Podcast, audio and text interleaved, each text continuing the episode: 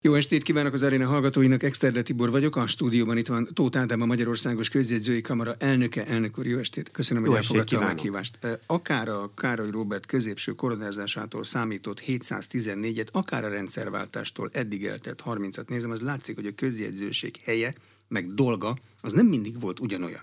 Ma mi az az ügytípus, amihez mindenképpen közjegyző kell, és mi az, amihez nem mindenképpen kell, de jó, ha van. Azzal kezdeném, hogy a magyar közjegyzőség elsősorban nem peres eljárásokban jár el. Így hagyatéki eljárásban például mindenképpen közjegyzőhöz kerülünk. Itt a jogszabály határozza meg, hogy ki lesz az a közjegyző, aki eljár.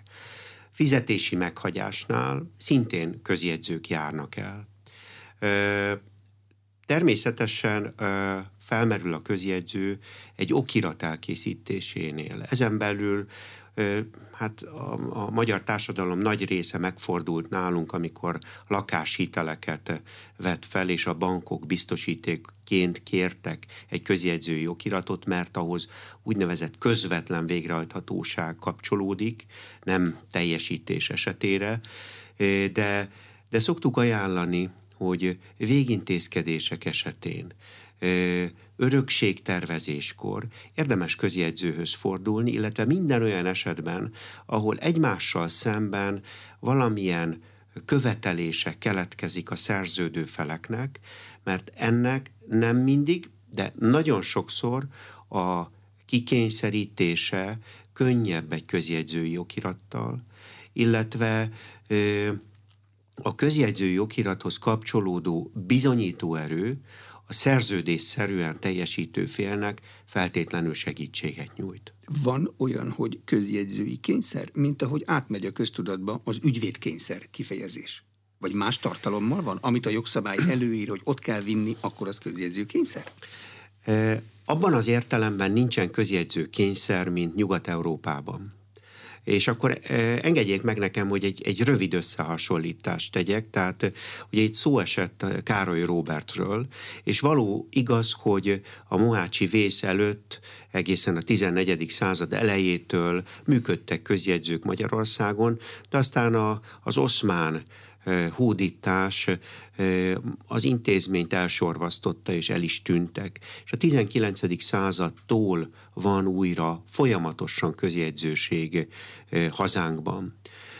Ez két év múlva 150 éve lesz, de mi most a 30 évet emlegettük. Ez azért lényeges, mert az idén működnek a bírósági szervezetrendszeren kívül újra közjegyzők. De hogy kerültek a bírósági szervezetrendszerbe? Amikor a, Közép-Európából a második világháború végén kiűzték a németeket, akkor a az itt évő szovjet csapatok importálták a saját politikai rendszerüket, és a szovjet politikai rendszerben a közjegyző az a bíróság része volt. 1949 és 1991 között így működtek a közjegyzők. 1992. január 1-től vagyunk úgynevezett szabad foglalkozások. Ez azt jelenti, hogy állami kinevezéssel működünk. Az állam egy feladatát látjuk el, az államot képviseljük az eljárásaink országunkban, de nem vagyunk állami alkalmazottak.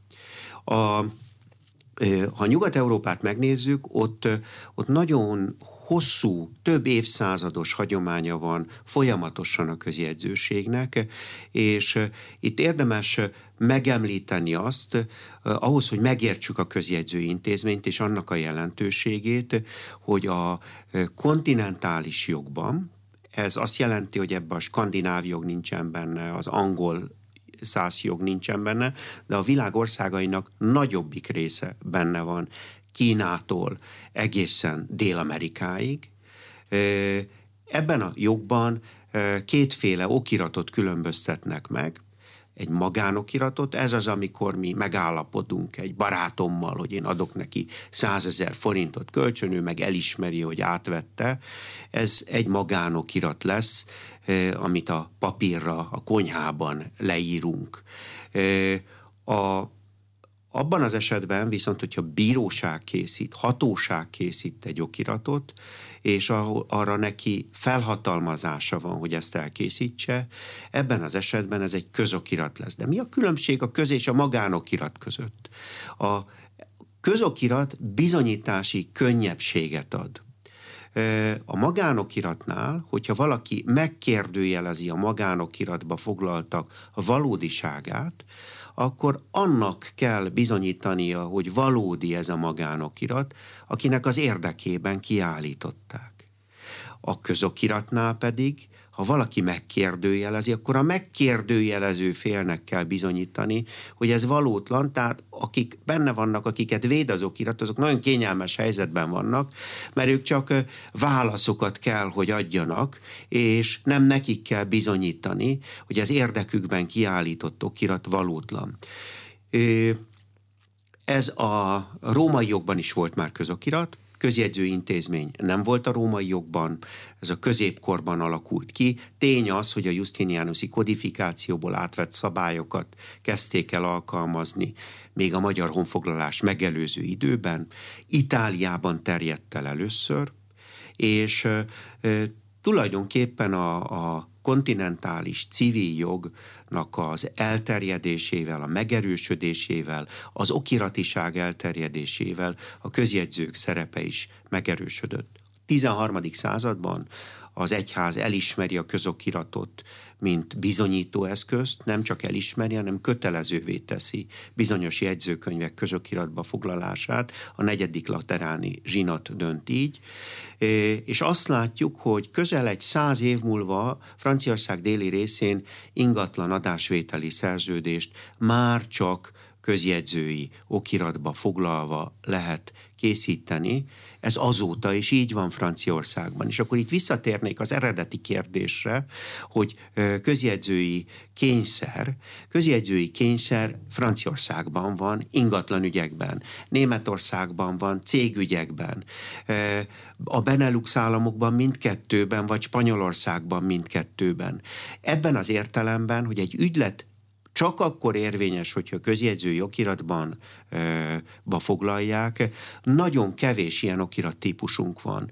A korlátozottan cselekvő képesek végrendelete az tipikusan ilyen. Én az elmúlt 30 évben egy ilyennel sem találkoztam. Tehát e, nagy számban előforduló okiratokhoz nem kapcsolódik közjegyzői okiratkényszer. Sokkal inkább azt látjuk, hogy a biztonságkeresés az, ami a közjegyzők, meg, ami miatt a közjegyzőket megkeresik, a pénzintézetek azért, hogy a kihelyezett követelésüket biztosítsák, az, aki, aki biztosra akar menni egy adásvételi szerződésnél, egy kölcsönnél, az elmegy közjegyzőz. Nagyon sokszor ügyvéd kollégák keresnek meg minket, mert szükségük van a közokirat bizonyító erejére. Amit nem mondtam, hogy, és itt valóban van egy közjegyzőkényszer, hogyha gyengén látó vagy vak végrendelkezik, az ő végrendelete az közjegyzői okiratban érvényes csak, de szerencsére a társadalomnak egy kicsiny egy kisebbsége az, akinek ilyen problémái vannak, és ezért kevés ilyen okirat van, de ezt tudni kell, hogy ez egy érvényességi kellék. Említette a hatóság kifejezést. A közjegyzőség az klasszikus értelemben vett hatóság, mert arról azt tanultuk, hogy az egy olyan szervezet, amely maga tudja kényszeríteni saját eszközeivel az akaratát. Abba, a közjegyzőség abban az értelemben hatóság, hogy közhatalommal van felruházva. Ez a kifejezés egy 1994-es alkotmánybírósági döntésből vezethető le, és akkor került be a közjegyzői törvénybe, hogy a közjegyzők az igazságszolgáltatás részeként végez hatósági jogalkalmazó tevékenységet. És akkor ugye itt három olyan pont van, amit ki kell emelni.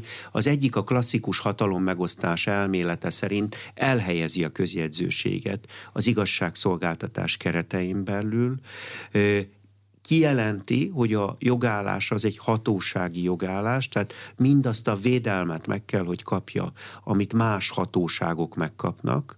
Egy igazságszolgáltatási hatóságról van szó, tehát nem közigazgatási hatóságról, illetve jogalkalmazó, és Kimondja a törvényünk azt, hogy ez a jogalkalmazó tevékenység arra irányul, hogy a peres eljárásokat elhárítsa a bíróságoktól. Tehát a bírósági ügyteher csökkentése az egyik nagy társadalmi feladata a közjegyzőségnek.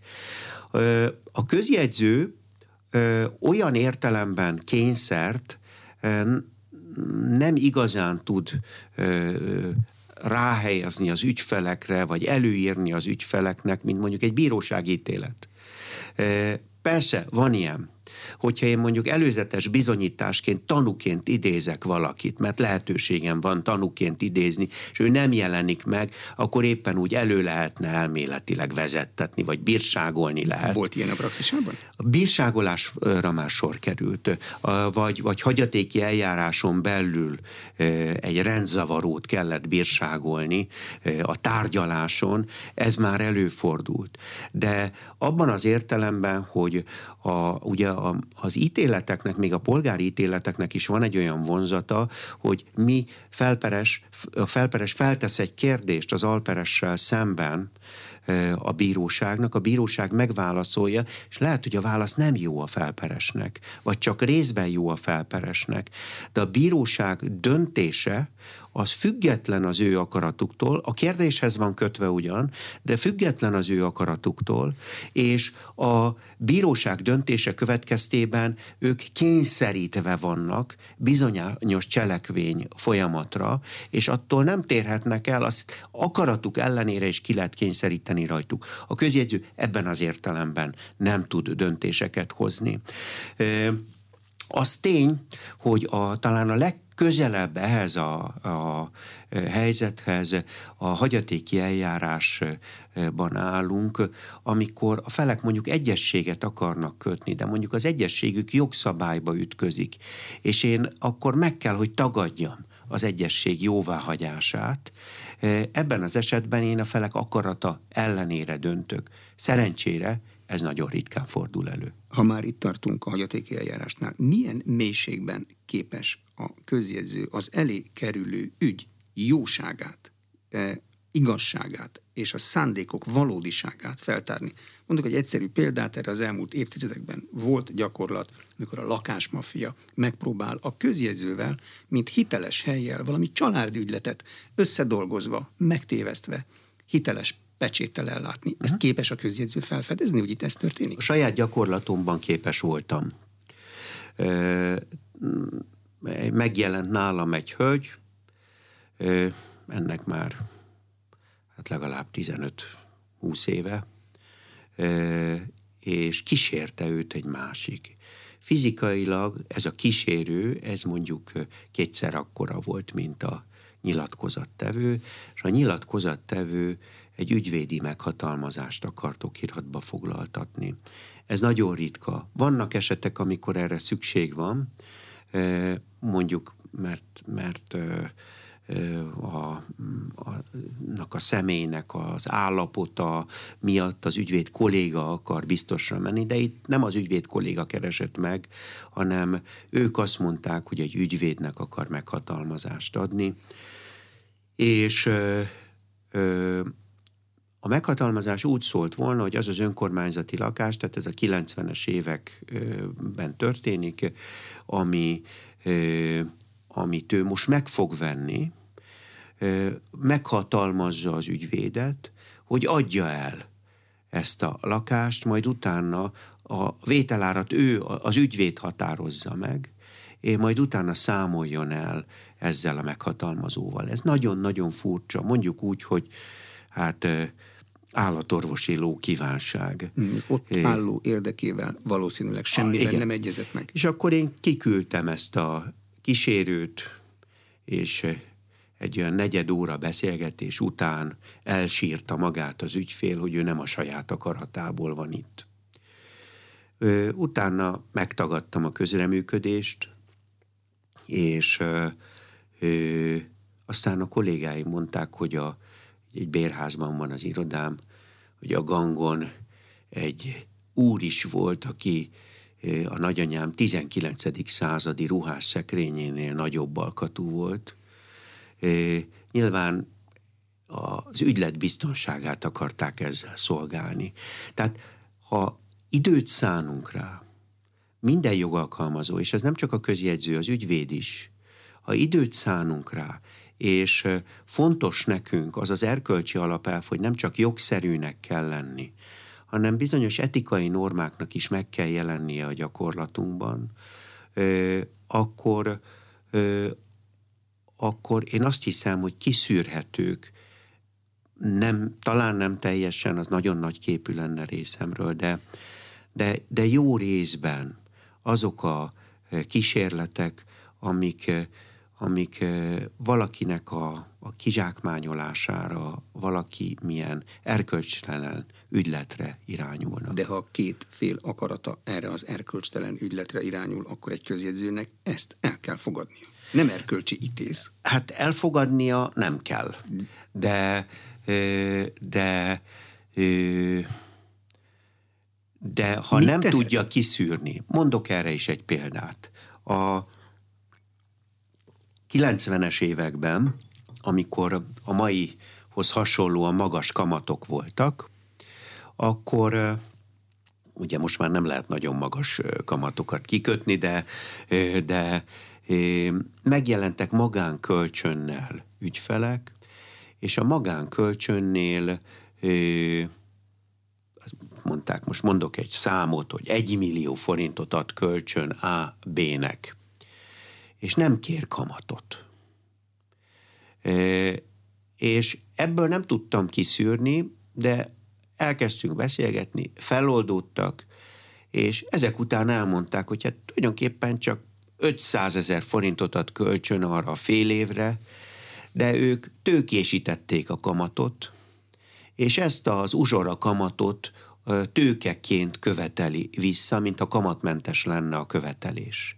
Nyilván ez megint egy olyan helyzet, ahol azonnal meg kell tagadni a közjegyzőnek az eljárást, mert, mert nekünk, ha tudomásunkra jut az, hogy milyen szándék áll az ügylet mögött, akkor nem azt kell figyelembe vennünk, hogy mit nyilatkoznak, hanem hogy az általuk kijelentett valóság mi. De ebben azért benne van, hogyha ők nem árulták volna el, hogy, egy millió, hogy ez az egymillió forint nem valós kölcsön, erre nincs ember, aki rá tudott volna jönni. Említette, hogy a közjegyzőség az igazságszolgáltatás része. Az a bíróság, az ügyészség, a rendőrség. Ezt szoktuk igazságszolgáltatásnak ö, tekinteni. Mi van még benne? Mert, hát, hogy, a, mert, mert hogy a hierarchiára uh-huh. szeretnék rákérdezni, ha van ebben egyáltalán. É, én másként közelíteném meg a, az igazságszolgáltatást. A rendőrség az egy közigazgatási szerv, amely kapcsolódik az igazságszolgáltatáshoz, közhatalommal jár el, de nem tartozik az igazságszolgáltatási hatalomba. Az igazságszolgáltatási hatalomba az ügyészség mindenképpen beletartozik, a legfontosabb szerve a bíróság. A közjegyzőnek az a feladata, hogy mint egy fék a tompítsa a bíróságot esetlegesen terhelő ügyeket, tehát olyan okiratokat készítsen, olyan eljárásokat folytasson le, amivel a bírósági ügyteher csökkenthető, és van egy negyedik szak is, ez pe, egy negyedik csoport is, ez pedig a végrehajtók, ez mind a négy az államtól, a szuveréntől kapja a kinevezését, ezért van joga eljárni, a végrehajtó pedig a bíróság által meghozott határozatok kikényszerítésében vesz részt, abban az esetben, hogyha nem történik önkéntes teljesítés. Itt önálló bírósági végrehajtókról Igen. szokás beszélni. Nyilván minden szónak jelentése, jelentősége Igen. van ebben. Igen. Kihez tartozik a végrehajtó, amelynek a testületével az utóbbi időben jelentős problémák vannak. A végrehajtók eredetileg ugyanúgy kamarában működtek, mint mi. A jogalkotó úgy döntött, hogy, hogy átszervezi őket, és jelenleg nem is az igazságügyminisztériumhoz, hanem a szabályozott tevékenységek hatósága felügyelete alá tartoznak. Ez egy viszonylag új hatóság. Így van. Ettől még a jogállásuk nem változott meg. Az, hogy a közjegyzők kamarai rendszerben működnek, ennek a közjegyzők működése szempontjából van jelentősége, vagy ez az egyedüli eh, testület, amiben egyébként elképzelhető a működésük? A kamarai rendszer kettős feladata van. Egyrészt ez a középkori kollégiumoknak a, a, a hagyományát követi. A kamara az egyrészt érdeket érvényesít, tehát a közjegyzőség érdekeit közli a jogalkotó felé. Ez nem egy klasszikus, mint egy gazdasági lobby olyan tevékenység, hanem ez inkább egy figyelemfelhívás arra, hogy egy-egy eljárás hol szorul javításra, a megváltozott körülmények miatt hol van szükség módosításra, de segíti a jogalkotót abban is, hogy milyen olyan eljárások vannak, amiket a közjegyzőség hatáskörébe lehet utalni, annak érdekében, hogy más szervezet jobban, hatékonyabban tudjon működni.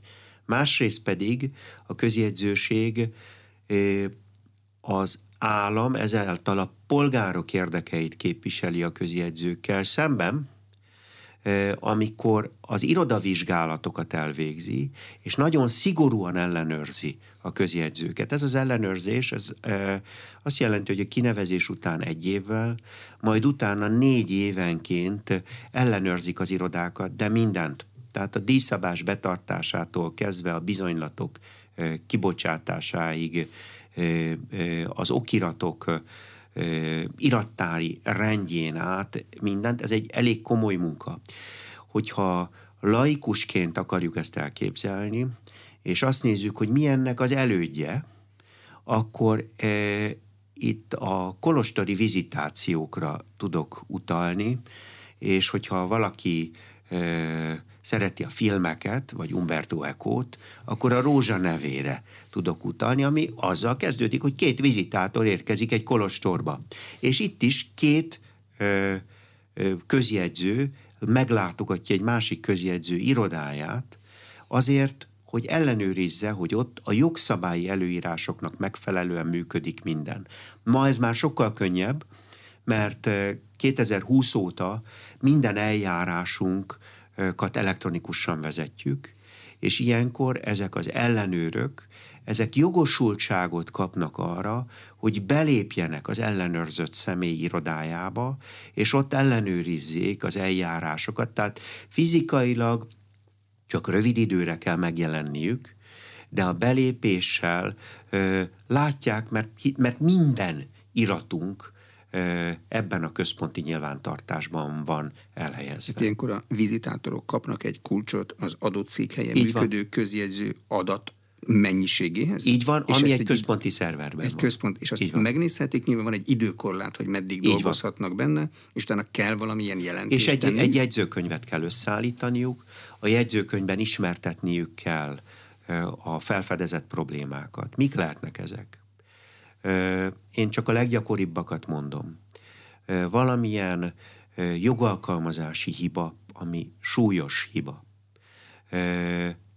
Az ügyek lassú ügyintézése, ez egy elég súlyos hiba, mert ez az egész karra vett rossz fényt, hogyha nagyon elhúzódik egy hagyatéki eljárás, egy fizetési meghagyás, egy végrehajtás elrendelése, előfordul, de ezeket az a feladata a területi kamarának, hogy kiszűrje.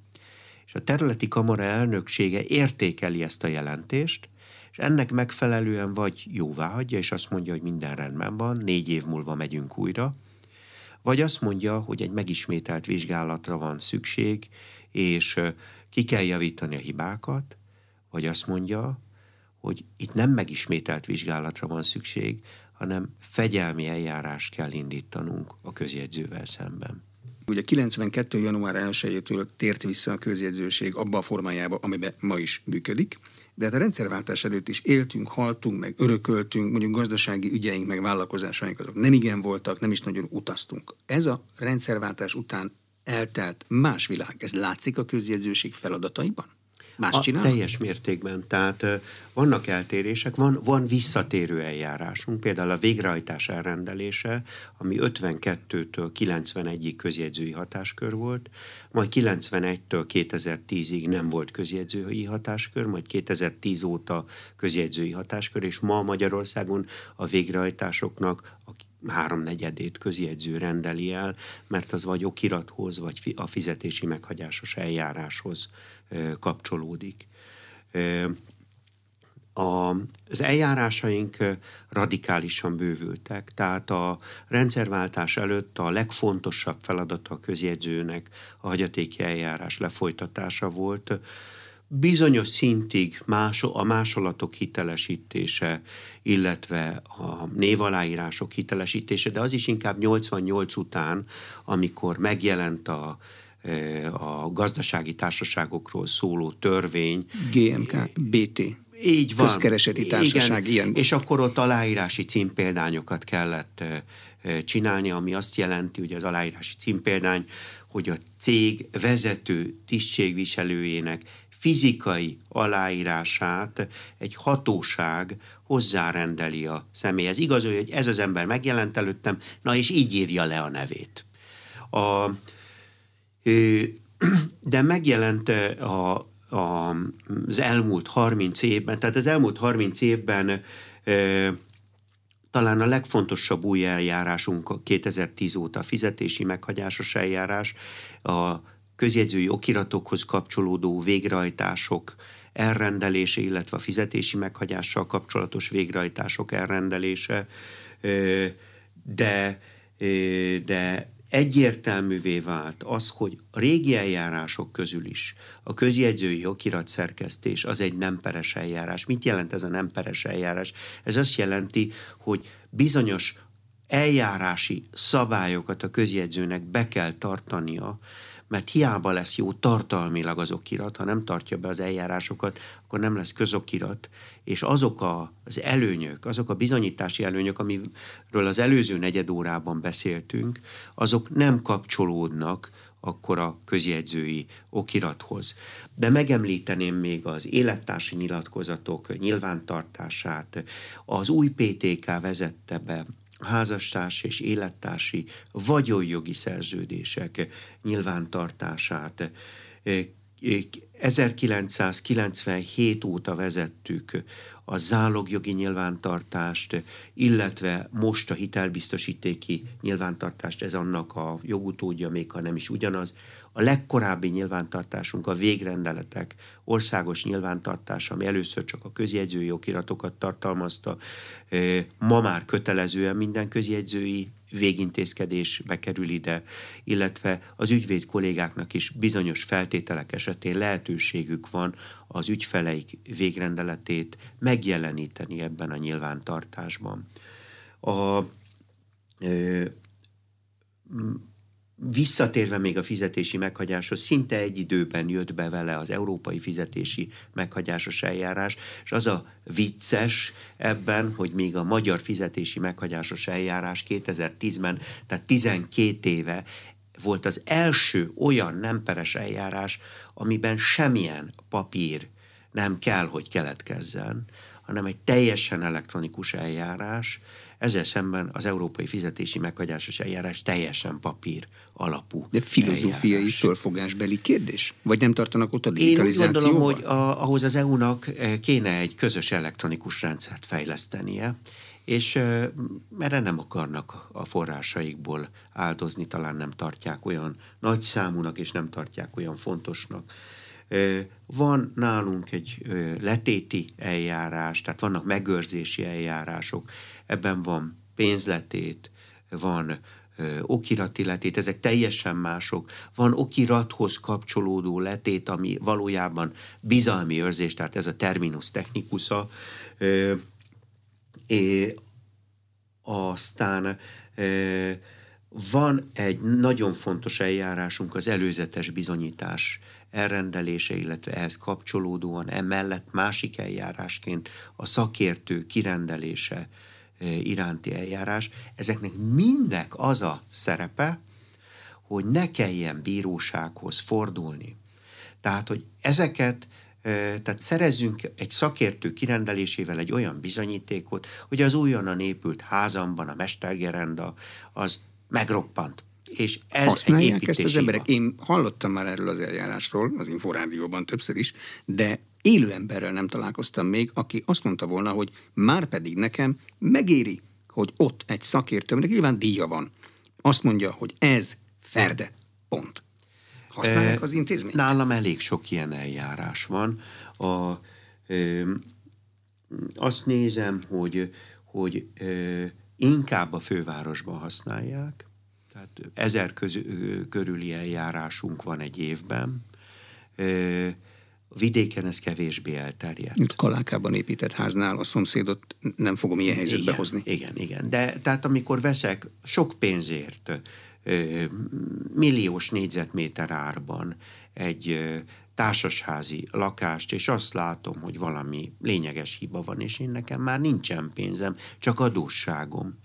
Nem tudom, nem is akarok azzal foglalkozni, hogy saját költségemmel javítassam ki, javítassa ki az, aki eladta nekem, és ez megjelenik a második, harmadik, negyedik lakásban is ez a repedés, és az első emelettől a negyedik emeletig reped mondjuk az egyik főfal, akkor, akkor ezek az emberek összefognak, és azt mondják, hogy nekünk kell egy szakértő, hogy ez a szakértő megmondja, hogy ki a hibás.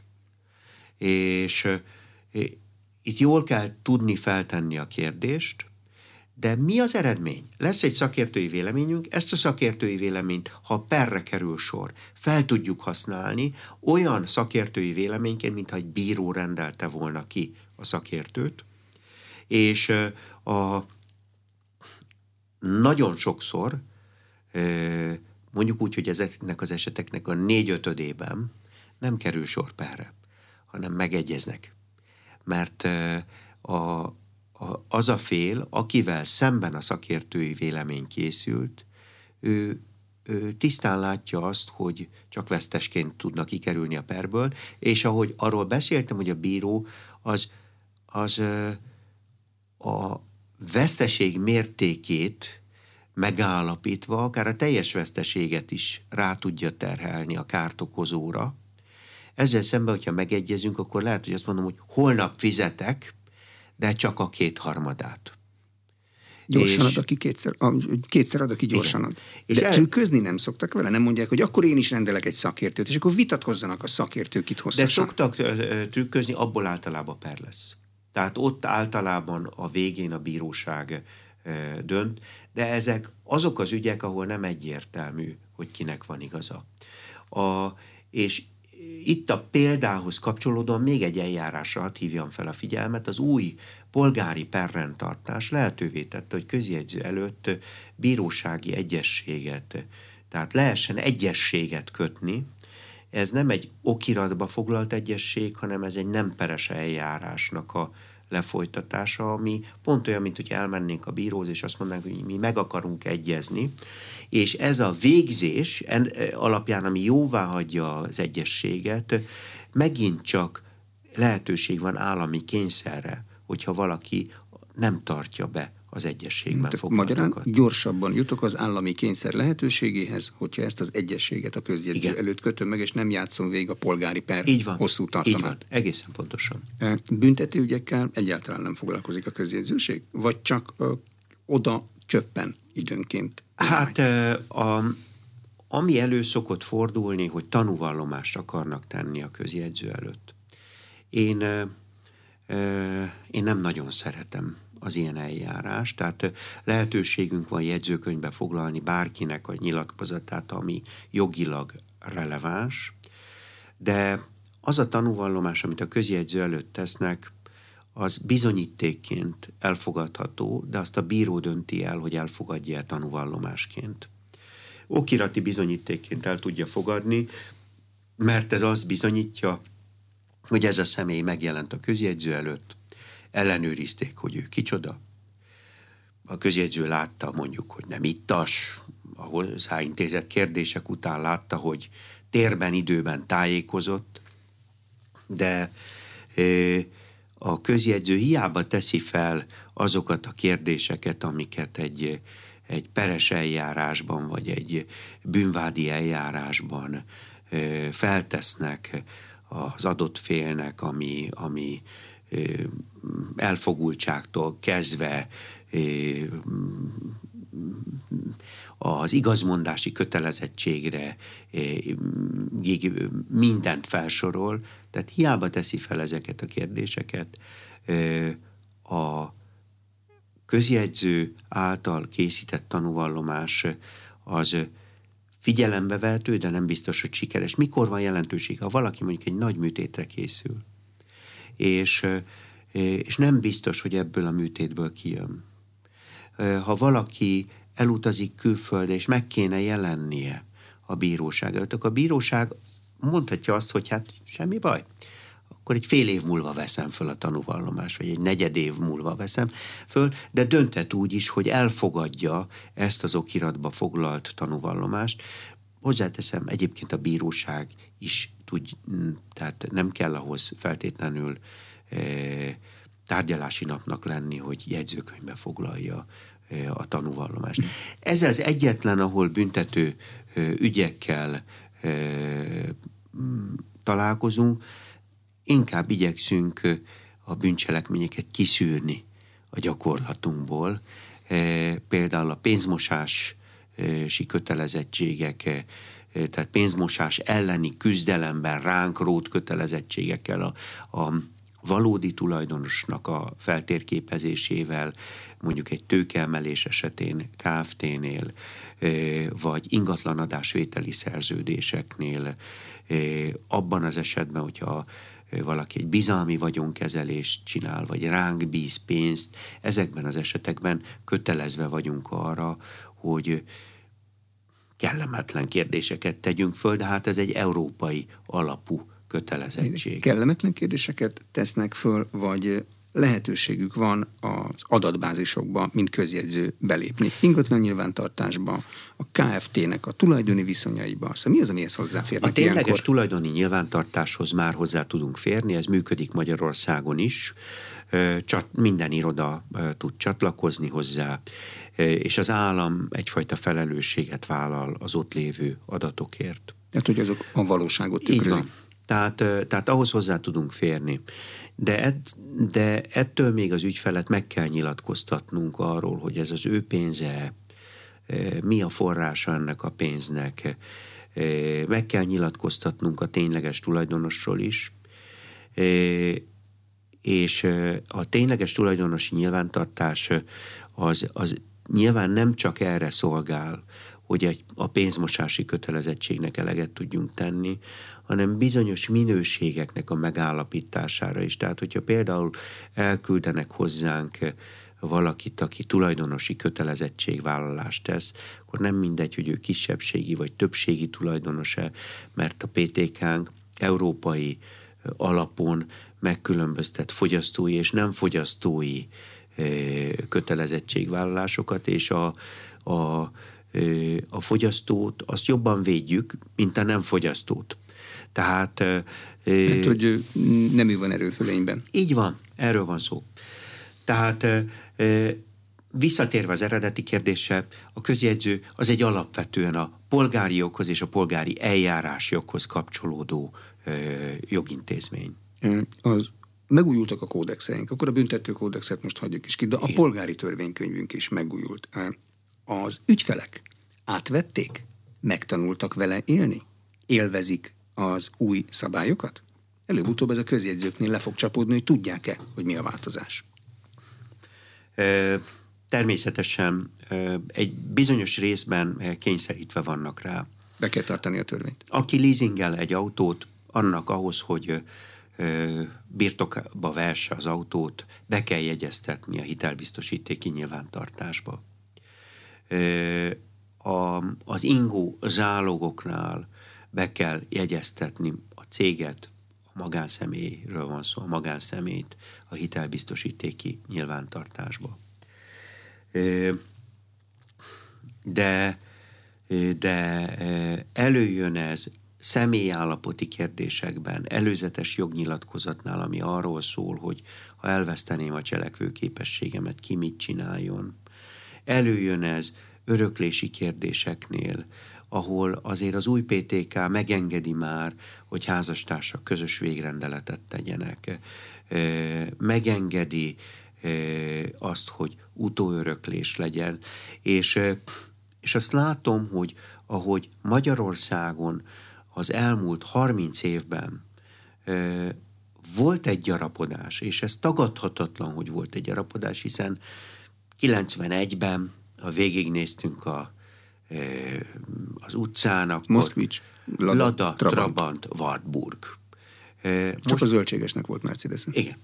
Most pedig ezernyi a féle autó állott, és, és lehet látni, hogy az emberek gondolkodása is átalakult, és megjelent egy középosztálybeli vagyontömeg, amelyik már befektet, megjelentek, megjelent az a vagyon, ahol működő gazdasági egységek vannak, amiknek a biológiai élet határ elérésével nem akarják a végét látni, hanem úgy akarják tovább örökíteni, hogy az működjön, de mindegyik utód javára, vagy a túlélő házastárs javára, és itt már a hagyaték tervezése szükséges, és ezt én látom. Van a bizalmi vagyonkezelés. Nagyon kevés van, de de már megjelent ez, hogy én egy vagyon tömegként kezelem a vagyonomat,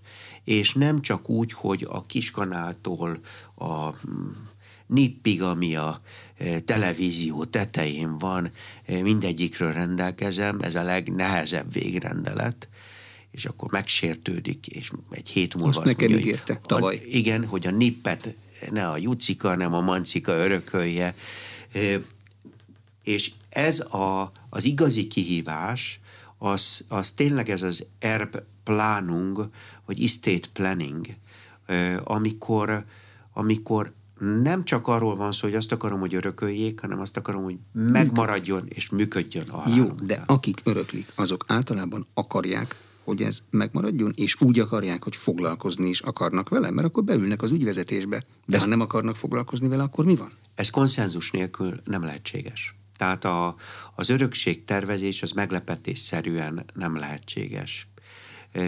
Végrendelkezni lehet úgy, hogy meglepetés legyen. És akkor, amikor kihirdetik a hagyatéki tárgyaláson a végrendeletet, akkor, akkor hát kiderül, hogy A, aki számított arra, hogy ő lesz az általános örökös, nem ő lett, hanem B lett az általános örökös, és A csak egy fülbevalót örököl. A, amikor én az egész a vagyonomat akarom, mint egy egységet kezelni, akkor az egész családnak le kell ülnie, és megállapodásokat kell tehát megállapodásokra kell törekednie. De ebben tud a közjegyző segíteni? Tehát magyarán van-e Magyarországon intézménye a bizalmi vagyonkezelésnek? Van egy olyan társaság, vagy több, egymással akár versenyzők is, amelyek ezzel foglalkoznak, és én, mint örökhagyó, biztos lehetek van. abban, hogy nem lopják Tehát... el, és még az unokámnak is jut abból, amit én a véres verítékemmel 30 év alatt megépítettem. Hát én évek óta foglalkozom ezzel, de nem csak én, hanem Főként a fővárosban fordul ez elő, de a fővárosban működő kollégáim közül többen, de hát van olyan ügyvédi iroda, akivel nagyon szoros együttműködésben vagyok, és ők rendszeresen, hónapokon át dolgozunk együtt, hogy előkészítsünk egy, egy egy örökségtervezés, ami nem csak bizalmi vagyonkezelés, hanem különböző nyilatkozatok innen, onnan, végrendeletek készítése. Tehát ez egy több okiratból álló ö, okirati struktúra, amivel a kívánt célt el tudjuk érni a végén. Ami megjelent most egy lépéssel, ha tovább lépünk, és kisebb vagyonokra térünk át, ott pedig egyre tudatosabbá válik, a, hogy a gyereknevelésben, főként, hogyha van két-három, négy gyerek, az ember nem feltétlenül tud mindegyiknek egyformán juttatni életében. A tapasztalatom az, hogy az idősebb gyerekeknek még tudunk segíteni abban, hogy legyen önálló lakásuk, aztán, ahogy megöregszik, az ember elmegy nyugdíjba, örülünk, hogy a tandíját kifizettük a legkisebbnek. És itt megint nagyon fontos az, és nagyon fontos annak az ismerete, hogy tudjuk, hogy ha juttatunk, akkor erről kell egy leltárt csinálni. És nem kicsinyességből, hanem az igazságosság, az igazságos elosztás érdekében, és megbeszélni azt, hogy én most, mi most veszünk neked a megtakarított pénzünkből egy lakást, ami a te nevedre került, ennyivel kevesebbet fogsz örökölni. És ez, ez nem kellemetlen, hanem úgy gondolom, ez egy nagy lelkű gesztus, hogy előre megkapja. Nem kell várni a halálunkat, hanem ő már rég élvezi azt az ingatlant, amiben lakik, és, és ugyanennyivel kevesebbet örököl, de, de, de van valamije, ellentétben a kisebb testvérekkel, akiknek vagy lesz valamiük, vagy csak azt várhatják, hogy örökölnek. Mm, de ez egy másfajta életszemléletet követel az egész családtól. Hát ez egy Gyakor... nagyon tudatos életszemléletet követel. Tehát egyrészt tudni, hogy nem vagyunk örök életűek. Igen. És a vagyonunk sem fog a végtelenségig növekedni. Így van. A stabil jogászi szakmának mondják a közjegyzőség. Ugye öt területi kamara van, a létszám az limitált, nagyon csúnyán fogalmazva a közjegyzőségből csak nyugdíjba lehet menni. Izgalmas szakma a közjegyzőség? A stabilitásnak az ára az, hogy nem olyan izgalmas? Hát ezt nehéz így megítélni. Én úgy gondolom, hogy ez habitus kérdése. És itt ez most mm, nem, nem is akarok objektív lenni, én nagyon szeretem azt, amit csinálok. És, és úgy gondolom, hogy még ezekben a szabályozott eljárásokban is akár a hagyatékra gondolok, akár az okirat szerkesztéssel, nap mint nap új tényállásokkal találkozom. És ezek az új tényállások, ezek mindig kihívást jelentenek. Tehát én például bizalmi vagyonkezeléssel azért kezdtem el foglalkozni, mert megjelent nálam valaki, hogy szeretne egy bizalmi vagyonkezelést. És van egy olyan bizalmi vagyonkezelés fajta, amikor a vagyonrendelő és a vagyonkezelő ugyanaz a személy, amit közjegyzőjogiratba kell foglalni. Soha nem csináltam előtte. És egy öt-tíz nap alatt éjjel-nappal olvastam, nem csináltam mást. És az eltelt idő után úgy éreztem, hogy én, én el tudok indulni ezen az úton. Most már van gyakorlatom is benne, de, de e, ez egy, ez egy nagyon új kihívás volt. Nagyon sokszor hagyatéki ügyekben jönnek elő újabb és újabb szituációk, amikkel meg kell birkózni. De, de tény az, hogy mondjuk még egy bírónál a jogvita és a jogvitának az, ugye a, a bíró az mindig a széttörött bizalom tükrét próbálja reparálni, és ott mindig máshol vannak a törések, és mint egy puzzle kell összerakni, és kitalálni belőle, hogy hogy lesz igazságos a jogszerű mellett a döntése. Nálunk, mivel nem peres eljárásokban járunk el, és a nem peres eljárás az, az egy leegyszerűsített polgári eljárás, hiszen egy csomó minden hiányzik belőle, tehát nincs meg minden bizonyítás fajta a, a nem peres eljárásokban. A nem peres eljárásnak lehet monotóniája. Na most ugye az, aki reggeltől estig banki okiratokat olvas fel, az valószínűleg nem találja izgalmasnak a szakmánkat, de aki csinál olyat is, de csinál sokféle mást is, házassági vagyonjogi szerződéseket, e, ingatlanadásvételi szerződéseket, ajándékozásokat, öröklésről való lemondást, esetleg alapítványokat létrehozásában, egyesületek létrehozásában, gazdasági társaságok alapításában vesz részt, annak ez mindenképpen izgalmas lesz, mert a joganyag állandóan változik, állandó felkészülést és tanulást igényel, és azt hiszem, hogy az állandó tanulásnál izgalmasabb nincs. De mi lesz akkor, és ez az utolsó kérdésem, mert kimegyek az időből, amikor eljön a stabil joganyagok, meg a nagy adatbázisok mesterséges intelligencia általi tökéletes kezelésének időszak, mert hogy születésünktől halálunkig automatikusan termeljük az adatokat, akkor kell még kreatív jogász bárhol. A mai véleményünk szerint igen mert az élethelyzetek a nagyszámok törvénye szerint valóban vannak olyan élethelyzetek, ahol Szabóék, Kovácsék és Kisék problémája az egy fiókba rakható. De ha van száz ügyből 10-15, ami teljesen egyedi, mert valami olyan sajátossága van, amit nem tudnak ö, ö, kezelni, és nem volt korábban ilyen, ö, abban az esetben abban az esetben már szükség van az ember kreativitására. Egy gép mindig gyorsabb lesz abban, hogy milyen jogszabályok vonatkoznak adott problémára. Egy gép gyorsabb lesz abban, hogy elemezze a big datát. De abban, hogy újat találjon ki, a mai tudásunk szerint még nem. Köszönöm szépen. Az elmúlt egy órában Tóth Ádám, a Magyarországos Közjegyzői Kamara elnöke volt az Inforádió arénájának vendége.